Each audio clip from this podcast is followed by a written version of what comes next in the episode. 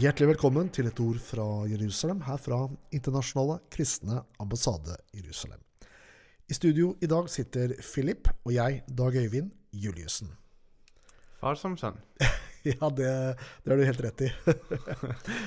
og vi skal snakke sammen om eh, det som skjedde i påsken. Mm. Eh, og dette er kanskje det viktigste, det er den viktigste hendelsen både i menneskets historie Mm. og i det vi kan kalle Guds store frelsesplan, hvor Jesus som sant menneske og Guds sønn eh, døde for eh, våre synder og sto opp igjen. Hva betyr det for oss i dag, Philip?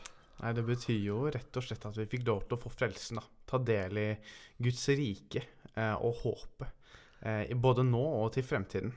Eh, og det er, jo, det er jo vår største glede. At vi kan legge fra oss det gamle livet og trå inn et nytt liv av kjærlighet, glede og fred. Eh, og det er jo hele påskens budskap. Av rett og slett denne gaven som kommer til oss. At Jesus dør på korset, så vi får fred. Ja, det her, er, det her er gode nyheter, Philip. Og jeg tenker at i en verden som vi lever i i dag, så behøver vi alle sammen disse fantastiske, evige, gode nyhetene. Absolutt. Eh, vi skal se litt nærmere på hva dette har med eh, troen vår og jødefolket. Fordi at i kirkehistorien så har jødene blitt anklaget for å være Kristusmordere. Mm. Og basert på denne anklagen så har man forfulgt dem. Derfor har det ofte vært sånn opp gjennom århundrene at eh, i påsken så har kirken, eller vi kristne, forfulgt jødene.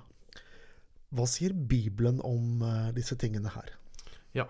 Eh, vi kan jo starte med Apostlenes gjerninger 3, eh, vers 13-15, eh, hvor Peter da taler.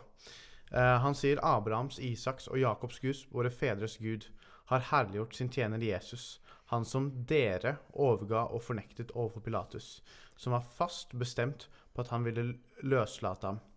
Men dere fornektet den hellige og rettferdige, og ba om at en morder måtte bli frigitt for dere. Og livets fyrste drepte dere han som Gud oppreiste fra de døde, og som vi er vitner om. Ja, hva er det Peter sier her? Her sier egentlig Peter uh, at jødefolket overga og fornektet Jesus, uh, altså deres Messias og vår Messias.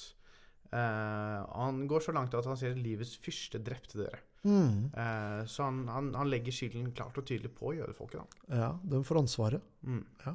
Men han anklager dem ikke. Nei. På ingen måte. Få høre. I vers 17 så leser vi Og nå, brødre, vet jeg at dere gjorde dette i uvitenhet, slik også rådsherrene deres gjorde. Men det som Gud har forsynt på forhånd ved alle sine profeters munn, at Kristus skulle lide, det har han oppfylt på denne måten. Wow. Så på den ene siden så uttaler han at dere korsfestet Jesus, men så kaller han dem for sine Brødre. Ja, det er fantastisk. Mm. Og der er det jo helt kjemisk fritt for anklage. Ja.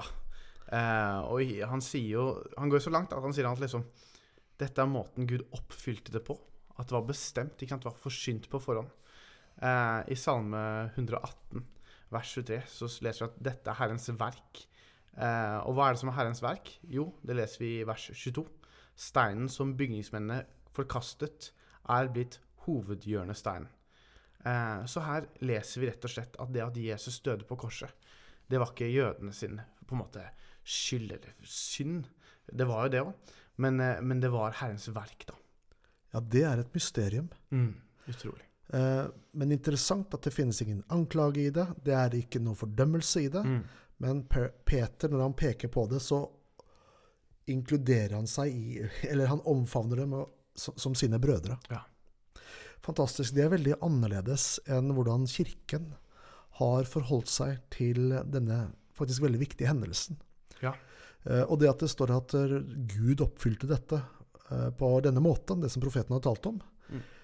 det må vel også vi kunne konkludere i at når Jesus sier 'frelsen kommer fra jødene', for det sier han i Johannes 4,22, 'frelsen kommer fra Mm. jødene', så må jo dette være selve kjernen Ja. i, i evangeliet. Mm. Absolutt. Vi skal snakke mer om det her, men først skal vi høre på litt musikk.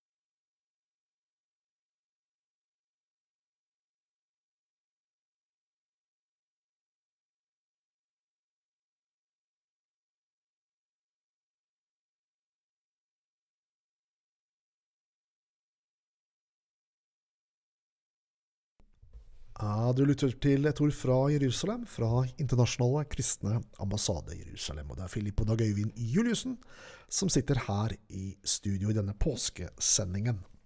Og vi har snakket sammen her om at det at jødene kors, korsfestet Jesus, var ifølge apostelen Peter i Apostels gjerninger 3 et verk av Gud. Um, og at Peter som apostel overhodet ikke anklaget jødene, men han omfavner dem i stedet som brødre når han påpeker denne eh, sannheten og historien. Men apostelen Paulus har også skrevet en hel del om dette i Romerbrevet 11. Mm. Faktisk. Fem ganger i det samme kapittelet så tar han opp dette med at jødene fornektet ble til vår frelse. Ja. Vi leser fra vers 11. Eh, jeg sier altså, har de snublet fra at de skulle falle? På ingen måte. Men ved deres overtredelse er frelsen kommet til hedningfolkene. Eh, og hva betyr dette her? Eh, jo, det betyr jo at de måtte si nei til Jesus for at vi skulle si ja. Eh, du kan jo se for deg om eh, at hvis de skulle sagt ja til Jesus, hvor hadde du vært i dag da? Da, Gøyvind? Ja, det er et godt spørsmål. Uh, ja, de sa nei for at vi kunne si ja. For, til, for hadde de tatt imot han som Messias, så hadde han ikke dødd for våre synder. Nei. Men det er dette Paulus sier. Ved deres fall, ved deres overtredelse, er frelsen kommet til oss. Mm. Uh, og dette leser vi jo flere steder, som sagt. Eh, F.eks. i vers 12. Hvis nå deres fall er blitt til rikdom for verden, så er det liksom deres fall vil da bli til rikdom og frelse for oss. Vers 15. For om deres forkastelse er til forlikelse for verden. Altså det ble forsoning mellom oss og Gud fordi jødefolket sa nei til Messias. Eh, og dette nevnes også i vers 28. Ifølge evangeliet er de fiender for deres skyld, men ifølge utvelgelsen er de elsket for fedrenes skyld. For Guds nådegaver og kall kan ikke tas tilbake. Altså, de er ikke forkastet fordi de sa nei til Jesus, eh, men det var en del av kallet deres. Å si nei til Jesus underlig og litt sånn Det er så stort mysterium at Gud har gjort det på den måten. Ja, det kan du si. Og det får, jeg får det ikke til å fungere, forstå da. Eh, men det var altså slik Gud gjorde det. Mm. Og Paulus han skriver i vers 30 i samme romerbrev 11 at for på samme måte som dere en gang var ulydige mot Gud, men nå likevel har fått miskunn ved deres eller jødenes ulydighet. Det er et uh, ja, det er et mysterium. Mm. Men det er slik altså Gud valgte å gjøre det. Ja. De ble på en måte en, eh, en representant for oss. Ja. Eh, og dette var ikke noe hemmelighet. Eh, det er som om Gud satte et bilde på det eh, under, eh, under, Gamle testamentet, når prestene slaktet disse dyrene. Eh, og da ble jo Som ofre for synder. og da ble jo Jesus til dette offeret for syndene. Men så måtte det også være en prest til stede. Eh, og det ble jo oss Nei, det ble jo jødefolket. Unnskyld. Mm. Eh, som ble denne presten for oss. Så det er, eh, det, det er, ja, det er nesten litt mirakuløst da, hvordan Bibelen eh, forteller dette før det skjer. Ja. Eh, og så kommer det holdt på å si, til live da, når Jesus dør på korset. Ja. Mm. Jødefolket ble en prest for oss mm. fordi at vi skulle få evig liv. Ja. Bibelen oppsummerer det sånn her at Johannes 3, 16 for så vidt har Gud elsket verden, at han ga sin sønn den eneste for at hver den som tror på ham, ikke skal gå fortapt, men ha evig liv. Og Et viktig verktøy, eller et viktig redskap i den frelseshistorien der, er jødefolket. Mm. Frelsen kommer fra jødene. Ja. Fantastisk. Eh, det er derfor Paulus sier at vi står i gjeld til dem også, sier han i Romerne 15, fordi vi har fått del deres åndelige goder. Mm. Eh, vi går straks mot avslutningen her. Dette er eh, vårt påskeprogram fra den kristne ambassaden. Og jeg vil gjerne invitere deg til et folkemøte for Israel lørdag 14. mai klokken 12 til 15.30 i Kuppelhallen Stavanger. Da kommer Hananya Naftali, som følges av hundretusener på sosiale medier, og den kristne araberen Josef Haddad, som i dag kanskje er den fremste arabiske stemmen for Israel eh, i det internasjonale samfunnet, han kommer også. Du kan gå inn på ikai.no og se på folkemøtet for å se programmet. Du kan også bli med buss som settes opp fra Bergen, og det sitter også buss fra, Stav uh, unnskyld, fra Kristiansand. Det er altså lørdag 14. mai. Gå inn på ikai.no og se på mer informasjon på folkemøtet. Da har vi kommet til veis ende i denne sendingen. Du har hørt Philip og jeg, Dag Øyvind Juliussen. Vi ønsker deg en fortsatt velsignet god påske. Og du har også hørt på et ord fra Jerusalem, fra den kristne ambassaden.